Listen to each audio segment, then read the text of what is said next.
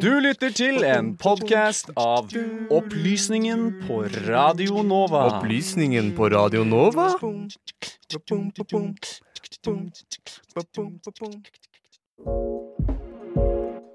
For Trump så har han både vunnet og tapt. What did I think when Maduro took power? Well, he's a clown. Det koster mye å gjøre store endringer. You know, I think if we can't do it in Norway, we can't do it anywhere. Nei, De har jo ikke noen fremtid. De sitter jo bom fast. Du lytter til Radio Novas samfunns- og aktualitetsmagasin Opplysningen.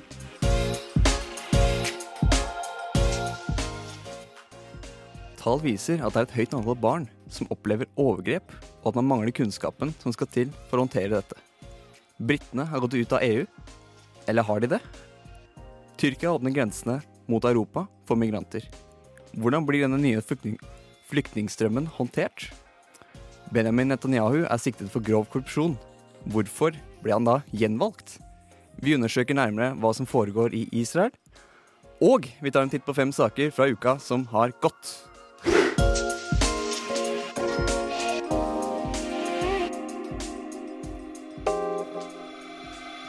Hei, og velkommen til Opplysningen 99,3, denne litt gråe fredagsmorgenen, vil jeg kalle det. Um, jeg er Sebastian Hagel, og jeg har planer om å prate mye i denne sendingen. Jeg skal lede deg gjennom den. Um, denne Hvilken dato er det? Det er 6. mars i dag. Fredag 6. mars. Eh, jeg kan si så mye som at klokka har slått ti, og det betyr både at opplysningen er på Radionova, og at eh, på våre Facebook-sider og sosiale medier-sider ligger det nå en video. Den bør du se, fordi hvis du ser den og følger med på den, så kan du være med i trekningen av en tote bag fra Noafest. Veldig kul merch, eller hva sier du, Maren? Jo, det er utrolig kult, så jeg anbefaler alle sammen å bli med på den konkurransen. Og du er da Maren Dale, deg, du er med i studio i dag. Og på teknikerplass har vi Sander Zakaria. Velkommen til deg også. God morgen til dere to. Um, videre, Maren. Dere har uh, vært og sett på film denne, denne uka. Ja, eh, på tirsdag så var vi og så en dokumentar som faktisk har premiere i dag, 6. mars. Den Eh, heter Alt.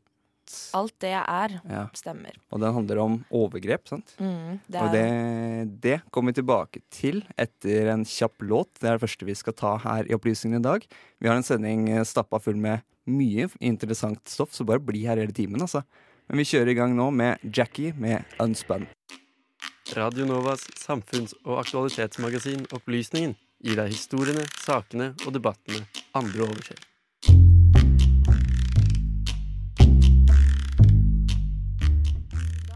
fredag 6. mars er det premiere på dokumentaren Alt det jeg er.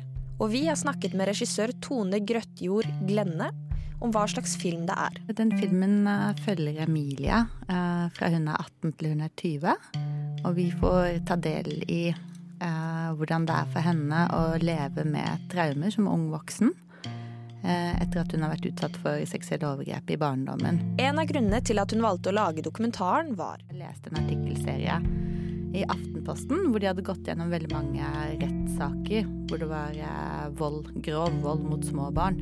Så hadde jeg lyst til at vi skulle bruke noen år på å lage en film som kunne bidra inn i arbeidet mot vold og seksuelle overgrep mot barn. Dokumentaren setter også fokus på instansene som jobber med barn som har vært utsatt for overgrep, som. Og hjelpeapparatet hun er i kontakt med da, er jo på en måte Nav, og deres misjon er jo å få henne ut i arbeid.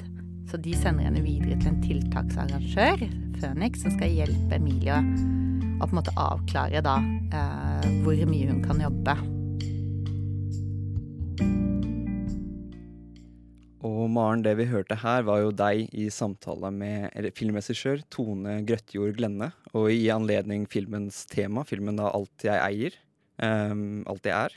Alt, alt det jeg er, beklager. Um, I anledning den filmens uh, voldsomme tema har vi fått en gjest i studio for å forklare litt, da. Det stemmer. Eh, Jeg har fått med meg Rona Eriksen Andersgaard fra Smiso, som da skal fortelle oss litt mer om tematikken og litt om instansene vi har som eh, hjelper barn og andre som har opplevd overgrep. da. Så kanskje du først kan eh, fortelle hva Smiso er, og hva din stilling i Smiso er?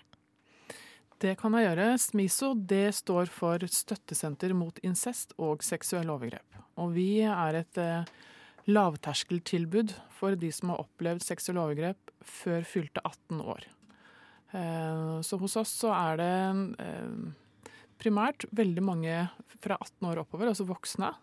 Eh, men vi har også et tilbud til ungdom mellom 16 og 18, som vi har samtaler og, og grupper. Så mye av vårt tilbud, og vi jobber jo da etter hjelp til selvhjelp, det er at det skal være et sted hvor de som har opplevd overgrep, har muligheten til å få sette ord på det de har gått og båret på gjennom mange mange år, og et fellesskap hvor de får eh, treffe andre. Eh, og så er det ulike eh, tilbud som vi har der av eh, samtaler, grupper, aktiviteter osv. Og, så og det er gratis. Og det er, trenger ingen henvisning for å komme dit, så man kan faktisk bare komme på døra. Eh, og nå har vi holdt på siden 1986, så vi er en, begynner å bli en gammel organisasjon, da. Så bra. Ja. Da har du faktisk tatt med noen av de videre spørsmålene mine allerede. Ja. Jeg tenkte å høre om da er det ikke noe behov for noe henvisning fra politiet eller noe sånt. Man kan bare møte opp. Vet du, det, det kan man. Man trenger ikke noe henvisning fra verken politi eller fastlege eller psykolog eller, eller lignende. En del blir jo anbefalt av lege eller psykolog om å ta kontakt med oss. Eh, men, men, det er ingen papirer eller noen ting man trenger. Det er bare å ringe til oss eller finne adressen vår eller eh, finne oss på Facebook eller Instagram, og så bare komme, rett og slett. Det er veldig lavterskel, da. Veldig lavterskel. Og man kan bruke oss så lenge man ønsker. Det er ikke noe krav, eller det er ikke noe sånn grense for eh, nå har du vært her så og så lenge, så nå anser vi at du må være ferdig. Du er her så lenge du har behov. Hvor mange er det dere treffer cirka i løpet av et år? Er det noe tall på det? Ja, det er det jo tall på, men da må jeg si det husker jeg ikke akkurat nå. Men så, hvis jeg tenker en, en, uke da, hos oss, hvor mange som er innom hos oss på en uke, så er det jo alt fra en eh, Altså vi, vi har åpent hver dag fra mandag til mandag, tirsdag, torsdag, fredag. Eh, en seks-syv eh, og opp til 20 som er innom eh, hver dag og bruker ulike tilbud hos oss. Og det er for både ofre og pårørende? Det er riktig. Det er både utsatte og pårørende. Vi har et ganske stort tilbud til pårørende. Eh, og det er jo òg det jeg sier at vi har et tilbud til de mellom 16 og 18. Og for så vidt ikke noe konkret tilbud til de som er yngre enn det, men vi har jo veldig mange pårørende til de som er yngre. Og på den måten får vi òg hjulpet eh, de yngste, tenker jeg. For det å være en mamma eller pappa eller, eller søsken inn i dette. Eh, noen ganger så kan kanskje de bli litt glemt. Eh, mens det er også stort behov for dem å kunne ha et sted hvor de kan få sette ord på, få ventilere, få støtte. Og få lov å få hjelp til det som de står i. Og hvordan klare å være en mamma eller pappa eller kjæreste, for den saks skyld, Eh, til noen som har en historie som dette med seg. Selvfølgelig. Det kan mm. jo være veldig belastende for de rundt også, da. Ja, de ønsker, man ønsker jo å ta hensyn. Man ønsker jo å eh, hjelpe til. Man ønsker å gjøre alt best. Men så er dette temaet her også vanskelig når det er et tabubelagt tema som ikke snakkes om. Så er det vanskelig å klare å finne de rette ordene. Man er redd for å gjøre ting verre eh, eller si noe feil. Eh, og da kan det være fint å ha et sted og få muligheten til å eh, sjekke ut eller eh, få en veiledning eller en støtte på det du står i. Mm. Mm. Så dette er noe dere eh, kan hjelpe til med. Men hva slags tjenester og hjelp er det dere tilbyr? Er det psykologer, advokater? Hva er det dere kan bidra med, da? Det vi kan bidra med, det er også Vi, vi tilbyr ikke terapi hos oss, i og med at du er et hjelp til selvhjelpssenter. Men vi kan tilby eh, samtaler likevel. Og så er det et, et, et, tak på hvor mange samtaler som vi går inn i, rett og slett for ikke å gå inn i en, en terapeut-klient-relasjon. Um, og så har vi eh, mange ulike grupper. Og så har vi det som vi kaller for åpent hus, hvor man bare kan komme og være. Og der er det jo at man treffer andre. Så mange bygger jo et stort nettverk av de som de blir kjent med eh, inne hos oss. Og ved siden av det så kan vi jo òg eh, følge til ulike instanser som er vanskelig. Eh, som, eh, som, Nav, til politiet, til fastlege osv. osv. Eh, autoritetspersoner er vanskelig for mange å forholde seg til. Eh, så vi henviser jo gjerne en del videre. Og når det kommer til de yngre, så må vi jo ha en god dialog med barnevernet f.eks., og også barnehuset. For å kunne eh, henvise til at man kan få rett hjelp på rett sted. Eh, og eventuelt være med i en eh, ansvarsgruppe for, eh, for de yngste spesielt, da. Mm. Så dere har godt samarbeid med andre instanser, da?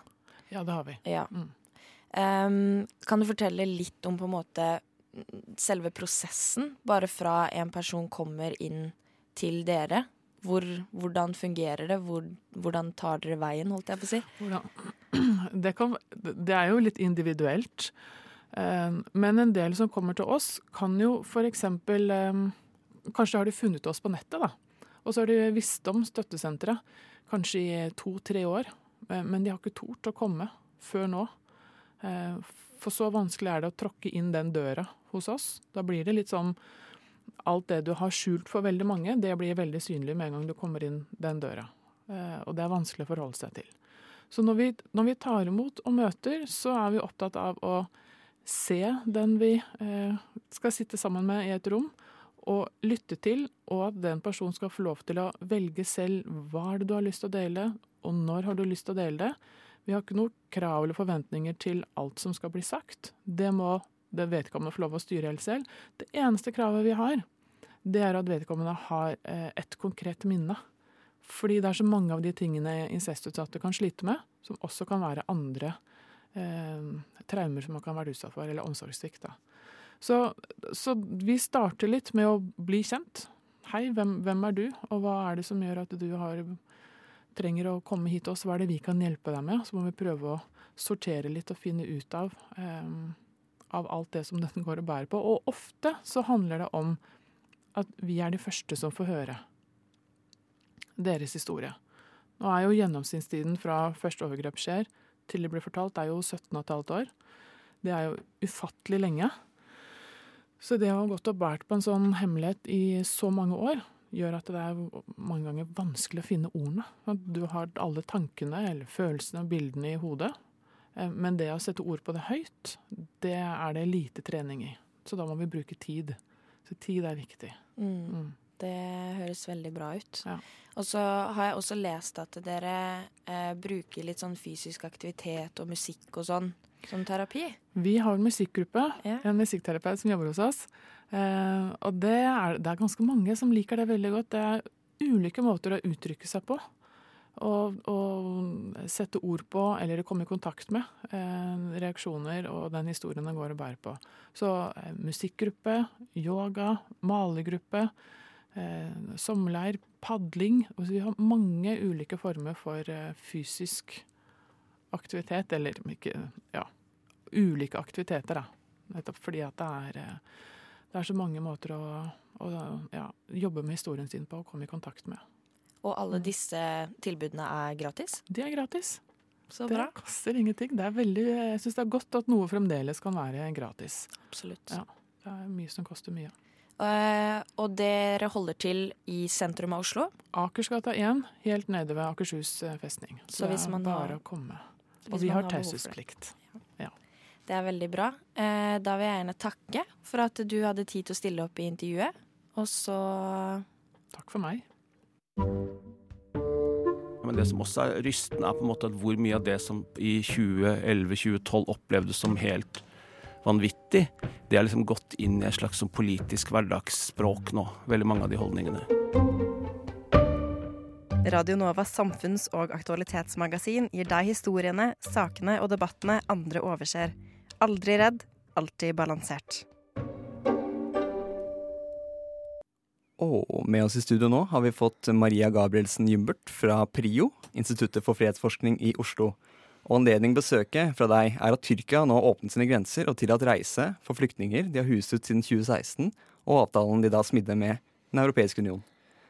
Når de nå bryter med den avtalen, får disse flyktningene anledning til å ta, vei, ta til både veien og havet for så vidt for å reise fra Tyrkia til bl.a. Hellas. Eh, og Erdogan mente tidligere denne uken at 18 000 mennesker var på vei fra Tyrkia til Europa. Og din forskning omhandler internasjonal lov og hva nasjonalstater og instanser sånn som Den europeiske union for eksempel, eh, er pålagt å gjøre for å motta disse flyktningene. Eh, Hva er de viktigste punktene innenfor denne flyktningloven? da? Hvis du vil svare på det med en gang.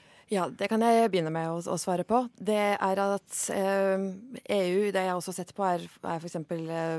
Eh, EUs grenseovervåkning i Middelhavet. Og vår plikt eh, er å gi eh, flyktninger, eller eh, altså Vi vet jo ikke om de er flyktninger, eller om det, dette er Alle er migranter, men de, de, de, de har en rett til å få tilgang til å søke om asyl som da etterpå vil gi dem flyktningstatus eller ikke. Så, var, så har ikke, de har ikke nødvendigvis en rett som sådan på, på, beskyttelse, men de har en rett for tilgang til det apparatet hvor de kan søke om beskyttelse. Og det er det vi det er det Europa og EU på, på mange måter hindrer dem når vi f.eks. For forsøker å, å, dytte våre grenser ut da, og la uh, Tyrkia eller Libya for så vidt i sam, den sammenhengen uh, ta seg av den grensekontrollen. Så vårt, siden du spør om vårt, uh, altså EUs ansvar, er, er, å gi de som kommer til Europa, tilgang til det til, til den mekanismen som er å søke om asyl. Og så får det, den prosessen vise om de har rett på det eller ikke. Mm. Og jeg har skjønt at Du var inne på det, men det er litt sånn kritikkverdige forhold, da, egentlig. Mm. Både i Hellas og i EU generelt. At dette er ikke Vi løser ikke dette på en god måte. Nei, det, det, kan, man, det kan, man, si. Men jeg kan si også litt, litt om hva som er eh, forskjellig nå fra, fra 2015 og, og nå. Uh, og det ene også uh, som er situasjonen nå, med hvordan Tyrkia har åpnet sine grenser. Men det er ikke gitt at alle nødvendigvis da kommer inn. Det, det som Tyrkia da har gjort, at Tyrkia ikke lenger nå overholder sin del av avtalen, av EU-Tyrkia-avtalen som ble signert i 2016. Men Hellas holder, ønsker å holde sin grense stengt for de som ønsker å komme inn. Så det er ikke fordi at Tyrkia sier at nå kan dere reise. Så det er mange, mange som for så vidt i Tyrkia har oppfattet denne beskjeden fra Erdogan som at nå kan de fritt reise inn i Europa, mm. men så kommer de til grensen og ser at de ikke kommer videre. Og så blir de, blir de stuck der. Og det eh, skaper jo en ny humanitær situasjon på den grensen også, som er, eh, som er kritikkverdig på, på, på, mange plan. Men eh, det, den situasjonen vi har hatt i Hellas og andre steder, men spesielt i Hellas de siste par årene, er med, med flyktninger og andre migranter som, er, eh, som sitter fast på de greske øyene. Og de som eventuelt har blitt tatt med til fastlandet, kommer ikke videre ut fra Hellas. Det som var situasjonen i 2015, var at mange reiste videre. Mens nå er grensen ut fra Hellas til resten av Europa er, er, er stengt. Og det er også Hellas og EU sin måte å øh, de, de, ønsker med det å hindre at flere kommer til Hellas, for de som fleste ønsker å reise videre til Europa. Så de ønsker med det altså ved at de holdes fast i Hellas, mm. som er en, er en måte å, å forsøke å få færre til at er, De prøver å sende et signal med det, da, at, at færre skal komme til Hellas. Men situasjonen i Hellas, er, og spesielt på, på de greske øyene, er eh, svært bekymringsverdig. Og vi har sett en utvikling de siste par månedene med flere flere som kommer til Lesvos f.eks., og flyktningleiren i Moria, eh, hvor forholdene er ja, eh, nesten ubeskrivelige. Og, og det, så det er eh, ja, og, der, og det folk har, må vente flere år nå på første, første asylavtale med de, de greske myndighetene. Uh, så der, så, så der og, og, det er jo det som også danner bakteppet for at Hellas og resten av EU nå ikke ønsker heller å ta imot flere. Mm. Men det, ifølge Dublin-avtalen da, så ja. er det sånn at det første landet du kommer til innenfor den avtalen, som er mm. stort sett hele EU, der må du søke asyl, eller hvordan er det? Er det sånn at nå Hellas kommer til å få sinnssykt mange asylsøknader, eller er det rammeverk her etter 2015? Ja, de, uh, det, det, rammeverket er der fortsatt. Altså det, det prinsippet om Dublin-avtalen, at det er i første land man ankommer at man skal søke om asyl. men det er igjen mange av de som har kommet til Hellas de siste par månedene, rapporterer om at, det er, at de har sin første avtale med de greske myndighetene for å få sin søknad behandlet om et par år. Så, det, så, så, hvis man da får 18 000 til som kommer nå, så kan man stille spørsmål til hvorvidt det systemet i det hele tatt kan ta imot flere søknader ja. nå. Men, men, det prinsippet er der fortsatt. og det prinsippet men, men er en, det, det, det tillater også andre EU-land altså under Dublin-avtalen, å sende eh, flyktninger som eventuelt kommer til Tyskland eller Frankrike eller Norge, og sende dem tilbake til det første landet de ankom, under det at det er det første landet de ankom som har ansvaret for å prosessere den asylsøknaden. Men det er ikke en plikt å sende dem tilbake. Vi, vi kan også ta imot de søknadene i i disse andre europeiske landene. Og slik situasjonen er i Hellas nå, så vil alt tilsi, under et felles europeisk samarbeid og samarbeid under Schengen-avtalen, som Norge er en del av, så vil alt tilsi også at vi burde ta det fellesansvaret. Og det har vært før den siste uka og, og Erdogans erklæring om at han åpner grensene, eh, så har det også vært flere eh, eh, eller det har vært tatt initiativ blant flere land i Europa om å relokalisere flere av flyktningene fra Hellas for å lette på, uh, å lette på, på situasjonen i Hellas. Og det, det, får vi se på hvordan det følges opp nå, men det tenker jeg også er noe som bør stå på agendaen til, til EU nå. Ja. Et siste spørsmål bare sånn før vi runder av, for det er noe jeg har bitt meg merke i. Det er at uh, europeiske ledere, sånn som von Leyen, kommisjonspresidenten, omtaler Hellas som en slags skjold og at uh, da blir liksom flyktningene sett på som en slags angrep. Og det var en sånn gresk, gresk eh, person fra myndigheten sa A titanic battle is being waged to keep our frontiers closed. Og det, språkbruken da, minner veldig om at dette er krig.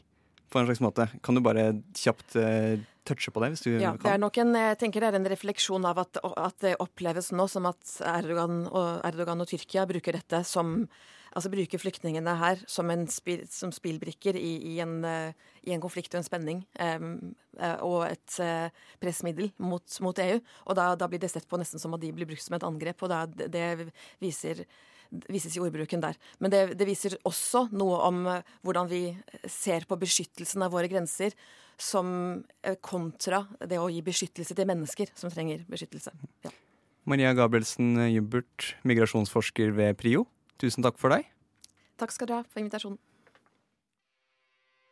Og så bruker han jo da også i forlengelsen av det dette ordet terrorist. ikke sant? På sett og vis er jo det USAs store gave til verdens uh, autoritære Finne et litt mer, litt mer, nyansert språk der. De arabiske statene prøver å føre en sånn politikk hvor de kan støtte palestinerne i retorikk, men i praksis holde seg egentlig unna konflikten. Radio Novas samfunns- og aktualitetsmagasin Opplysningen gir deg historiene, sakene og debattene andre overser. Aldri redd, alltid balansert. Fra Hellas og Tyrkia, der vi var i forrige innslag, skal vi nå videre. Vi skal krysse Middelhavet skjønner du, og bevege oss til Israel. Mandag var det valg i dette lille, litt ganske turbulente landet. Mange ble overrasket da den korrupsjonstiltalte statsministeren Benjamin Netanyahu ble gjenvalgt. Og hva er det egentlig som foregår i Israel nå? Vi undersøker litt nærmere.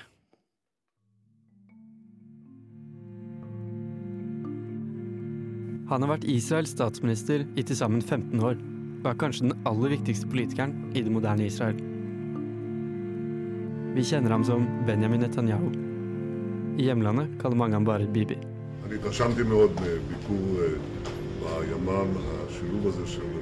Siden 2016 har han vært under etterforskning for korrupsjon.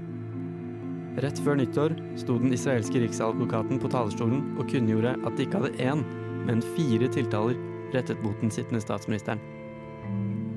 Saken var stridens kjerne da israelere gikk til valgurnene for tredje gang på få måneder. Onsdag denne uken ble det klart at Netanyahu trolig får fortsette i jobben. Om to uker derimot skal Bibi i retten.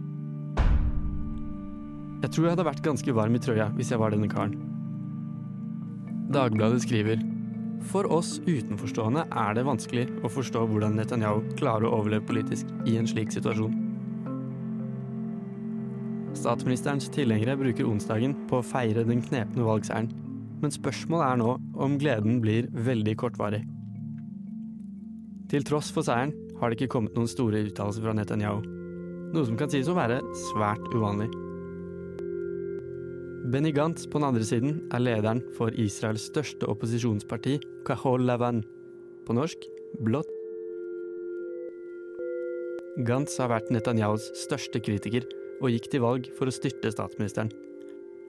Mandagens valgrunde plasserte alle anti-Netanyahu-partiene med en soleklar ledelse. Sammen med de sekulære YB og den arabiske listen har flertallet i Knesset-parlamentet. Men det er mange finurligheter ved Israels partipolitikk.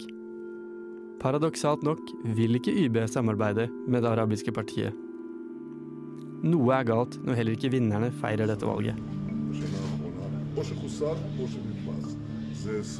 Men også lenge før mandag kunne man merke seg noen veldig rare tendenser i Israel. 1. januar, da mange hadde ferie, gikk Netanyahu til Knesset og spurte om juridisk immunitet fra korrupsjonssaken. Dette var selvfølgelig svært upopulært, og han trakk senere tilbake forespørselen. Da så det ut til at opposisjonen kunne stå sterkt og slå Netanyahu. Så kom det faktiske valget, der Netanyahu på hengende håret vant, til tross for fire tiltaler. Høringen i Høyesterett begynner 17. mars, og det begynner å bli rimelig varmt der. I et morsomt utsagn på Twitter sier Benny Gantz Baby, drikk et glass vann. Vent på sannhetens time, og respekter rettens avgjørelse. Det noen lurer på nå, er om uroen har avslørt noen alvorlige sykdomstegn ved Israels politiske system. Ingen kan på forhånd si noe om rettssakenes gang. Vi vet rett og slett ikke hva som skjer dersom Netanyahu blir dømt. Hvis de siste månedene har vært noen pekepinn, kan vi bare forvente et splittet Israel.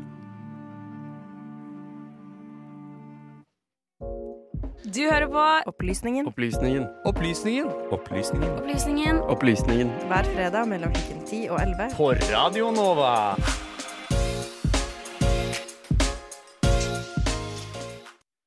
Og Maren, denne uka skjer det også for mye til at vi kan ta for oss alt. Ja, for det skjer alltid mye over hele verden. Eh, men ikke alle saker er store nok til å bli en hel sak. Så her i Opplysningen så gjør vi alt vi kan for å dekke ukas mest interessante nyheter. Og på ganske nøyaktig fem minutter skal Benjamin og Trym ta deg gjennom fem forskjellige saker fra uka som har gått. Her får du ukas fem på fem. På ei uke skjer det mye i verden, og ikke alle saker er store nok til å bli en egen sak. Derfor tar vi for oss fem kjappe saker fra uka som har gått, slik verden så ut onsdag 4. mars. Mange kommentatorer og øvrige interesserte har brukt denne uken på å fordøye resultatene fra Super Tuesday. Mange kandidater har trukket seg på kort tid, og blant dem finner vi en tidligere favoritt. Vi snakker selvfølgelig om Pete Buttigieg, også kjent som Mayor Pete. En annen tidligere borgermester, Michael Bloomberg, har nå også kastet inn håndkleet. Bloomberg brukte store summer på reklame og PR, og det virket som om kampanjen kunne få gjennomslag gjennom penger alene. Bloomberg, som selv er milliardær, var ikke den eneste i kampen med mye penger. Tidligere så vi også Tom Steyer, tidligere hedgefondmanager, men han har nå også kastet inn håndkleet. Kampen for den demokratiske nominasjonen tilspisser seg. På tirsdag stakk Bernie Sanders av med California og tre andre stater. Joe Biden på sin side vant nominasjonsvalget i Texas med smal margin. Spørsmålet er nå hvem som kan ta lederrollen og sikre størst oppslutning frem mot siste delstatsvalg i juni. Og mens vi først er inne på USA, har Federal Reserve, USAs fungerende sentralbank, satt ned styringsrenten i et forsøk på å styrke den amerikanske økonomien. Når sentralbanken setter ned renten, kalles dette ekspansiv pengepolitikk. Man gjør det mindre lønnsomt å ha penger i banken, slik at innbyggere og selskaper får bedre avkastning av å heller bruke pengene sine. Slik får myndigheten til å simulere økonomien. Hvis du sparer i aksjer, har du kanskje merket i det siste at det er økt usikkerhet på finansmarkedet. Vi lever i en sammenvevd verden. Det er panikk på aksjemarkedet i Asia i kjølvannet av koronaviruset. har fått store konsekvenser for økonomien i resten av verden. Og dette er da begrunnelsen for USAs rentenedsettelse. Det gjenstår nå å se om andre land i verden følger etter USA. Vi hører selvfølgelig veldig mye om koronavirus og covid-19 nå for tiden. Smittevern og folkehelse har blitt svært aktuelle temaer i mange land i alle verdensdeler. Vi hørte tidligere i februar at det hadde vært et smittetilfelle i Daegu i Sør-Korea, der 377 mennesker hadde fått viruset på en gudstjeneste. Sør-Korea har nå åpnet en drapsetterforskning mot lederne i kirken. Dette er nokså unikt, fordi det er det første tilfellet der noen anklages i retten for uaktsomt drap gjennom spredning av koronaviruset. Potensialet for spredning er stort i store folkemengder, og utallige arrangementer har blitt kansellert grunnet frykt for spredning. 25 000 deltakere må nå vende hjem etter at London Book Fair nylig ble avlyst. I Japan er mange nå usikre på om Tokyo-OL kan gå som planlagt.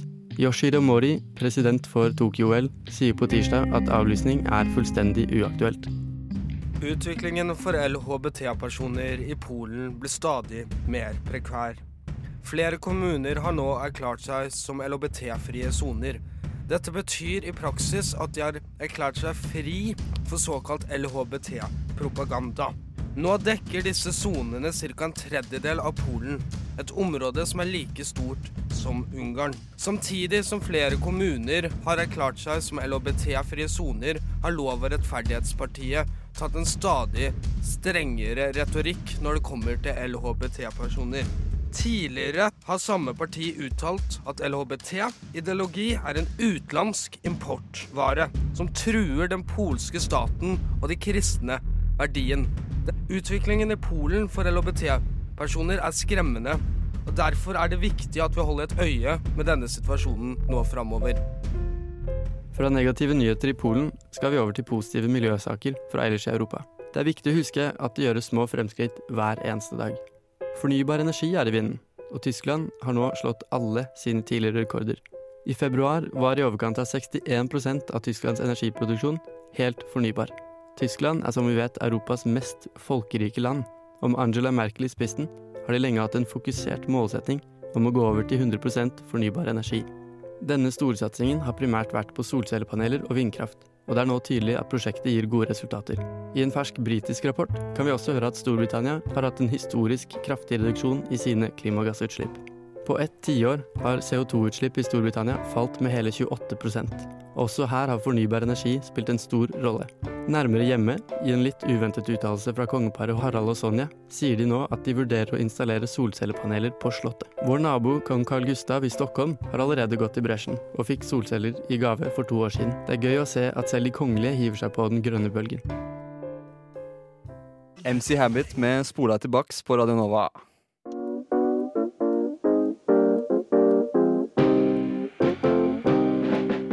Hører på Radio Novas samfunns- og aktualitetsmagasin Opplysningen. Hver fredag fra klokken 10 til 11 på Radio Nova. Opplysningen på Radio Nova.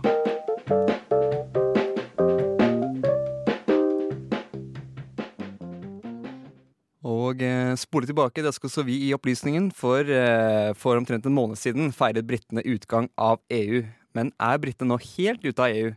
Og hvis ikke, hva er det da britene og EU har blitt enige om? Sanner Zakaria, vår egen brexit-ekspert, har tatt en titt på hva som egentlig skjer.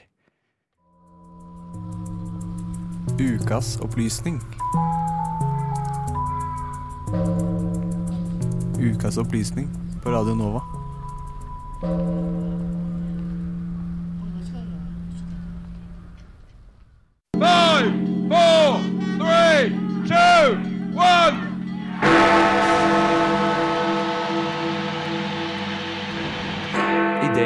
Ble februar 2020 forlot Storbritannia EU nesten fire år etter folkeavstemningen.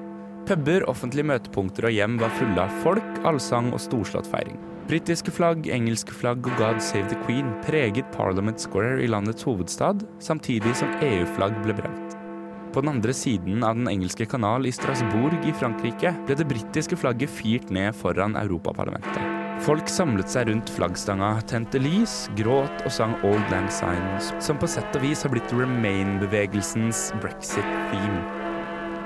Men betyr denne storslåtte feiringen at britene er ute av unionen nå? Både ja og nei? Jeg skal prøve å forklare det litt nærmere.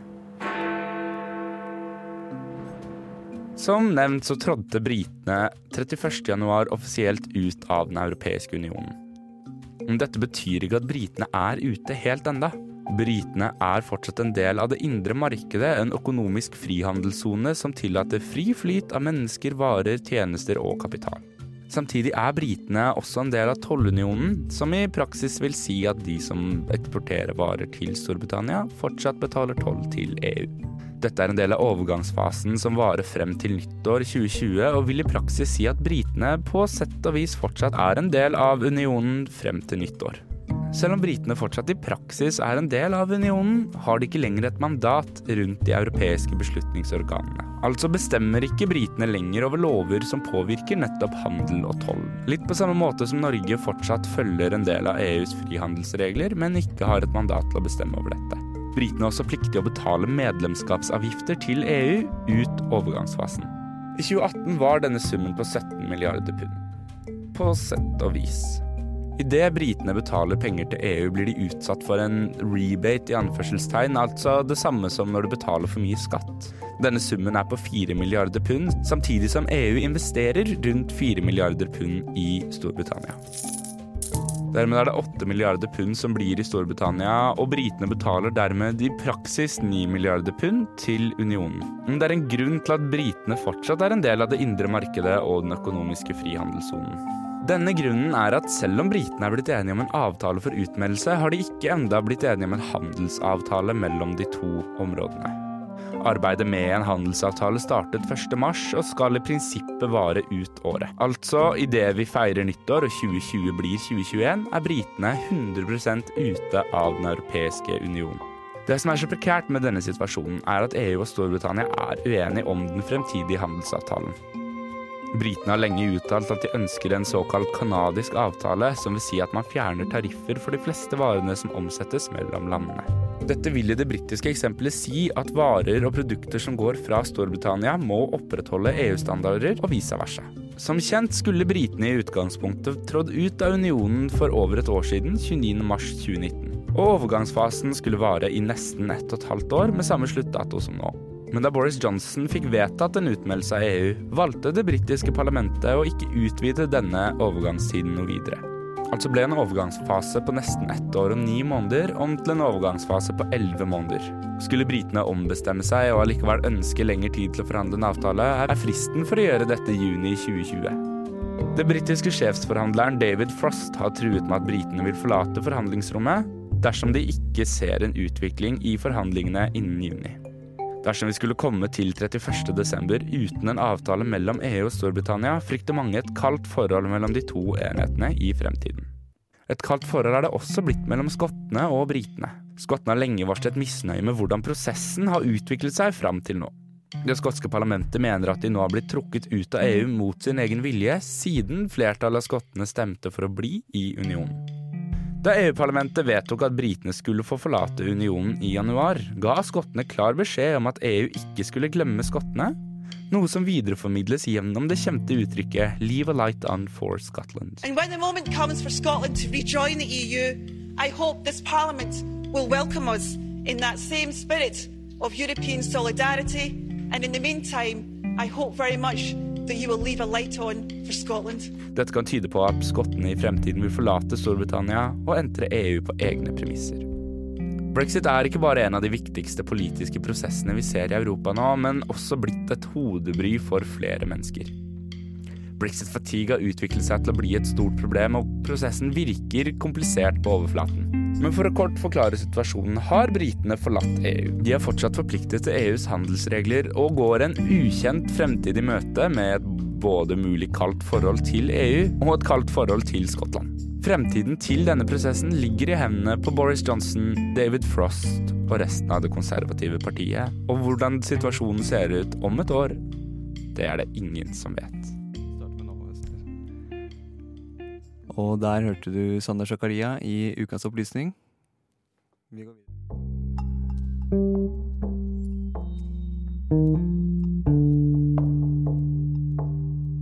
And this is insane. I've never seen this in any other country. Never in my life. People eating from the trash, fighting about it. Eh, Når så mange er ensomme, så ligger jo på en måte ikke dette på, på individleger. Det ligger på systemet. Vi er i ferd med å ødelegge evnen vår eh, permanent kognitivt i hjernen til å konsentrere oss over lengre tid. Radio Novas samfunns- og aktualitetsmagasin gir deg historiene, sakene og debattene andre overser. Aldri redd, alltid balansert. Opplysningen 99,3. Ja, da har vi nådd slutten på dagens sending, Maren og Sander, som jeg har med meg her i studio. Um, men jeg tror vi skal bruke den siste tida vår til å snakke litt om noe viktig, nemlig Novafest. Det stemmer for Novafest. Eh, Novas festival fyller 30 år i år. Og det, altså da slår vi virkelig på stortromma. Det blir seks fulle dager med masse spennende greier som skjer. På mandag så er det bursdagsfest og Palace of Pleasure with extra special guest star. Eh, Rebesen ligger ute på Facebook. På tirsdag så blir det opplesning av et sånt gammelt manus som aldri har blitt sendt før. Av støv har det kommet. Eh, det skjer på Cappelens forslag. I tillegg så er det da selvfølgelig Jon, eh, DJ Johan Harstad, så det blir ganske rått. På onsdag så er det en utstilling her på Chateau Neuf med gamle Novafest-greier. I tillegg til det så skal Eventyrteamen, Radio Novas Dungeons and Dragons-program, de skal lansere et helt nytt rollespillsystem. Og det blir også visning av filmen Spice World fra 1997 og en panelsamtale rundt den. Det skjer da på Skatten i Oslo. Skatten Oslo.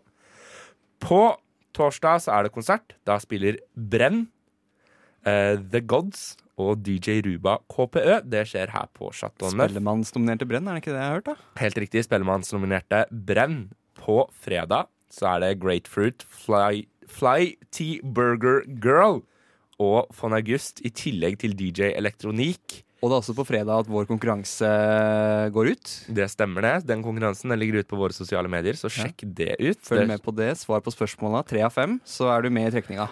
Riktig det. Og da, altså, denne konserten skjer på MIR i Oslo. Og den aller siste dagen, ja, da er det Hudkreft, Mandalay Lamas og The Pueblo and Alex som skal spille. Og det skjer på Blitzhuset i Oslo. En uke fullstappa av kule eventer og konserter. Dette er da om to uker. Dette er da om to uker. Da Om to uker er det ikke noe grunn til å holde seg hjemme. Bare å kjøpe billetter nå med en gang på noafest.no og eh, slå til. Jeg kan eh, runde av sendinga for i dag, tror jeg, fordi nå nærmer vi oss slutten. Jeg kan si at Medvirkende til dagens sending har vært Benjamin Nordtømme, Trym Fjellheim Karlsen og Sander Zakaria. Tekniker har vært Sander Zakaria, og i studio har jeg hatt med meg Maren Dale. Jeg har vært Sebastian Hagel. Eh, Følg oss på sosiale medier. Sjekk ut konkurransen vår på Facebook. Og etter oss kommer Studentnyhetene. God helg fra oss. God helg. Du har nå hørt en podkast fra Opplysningen 99,3. Finn denne og tidligere episoder på Spotify, iTunes eller der du måtte finne dine podcaster ellers.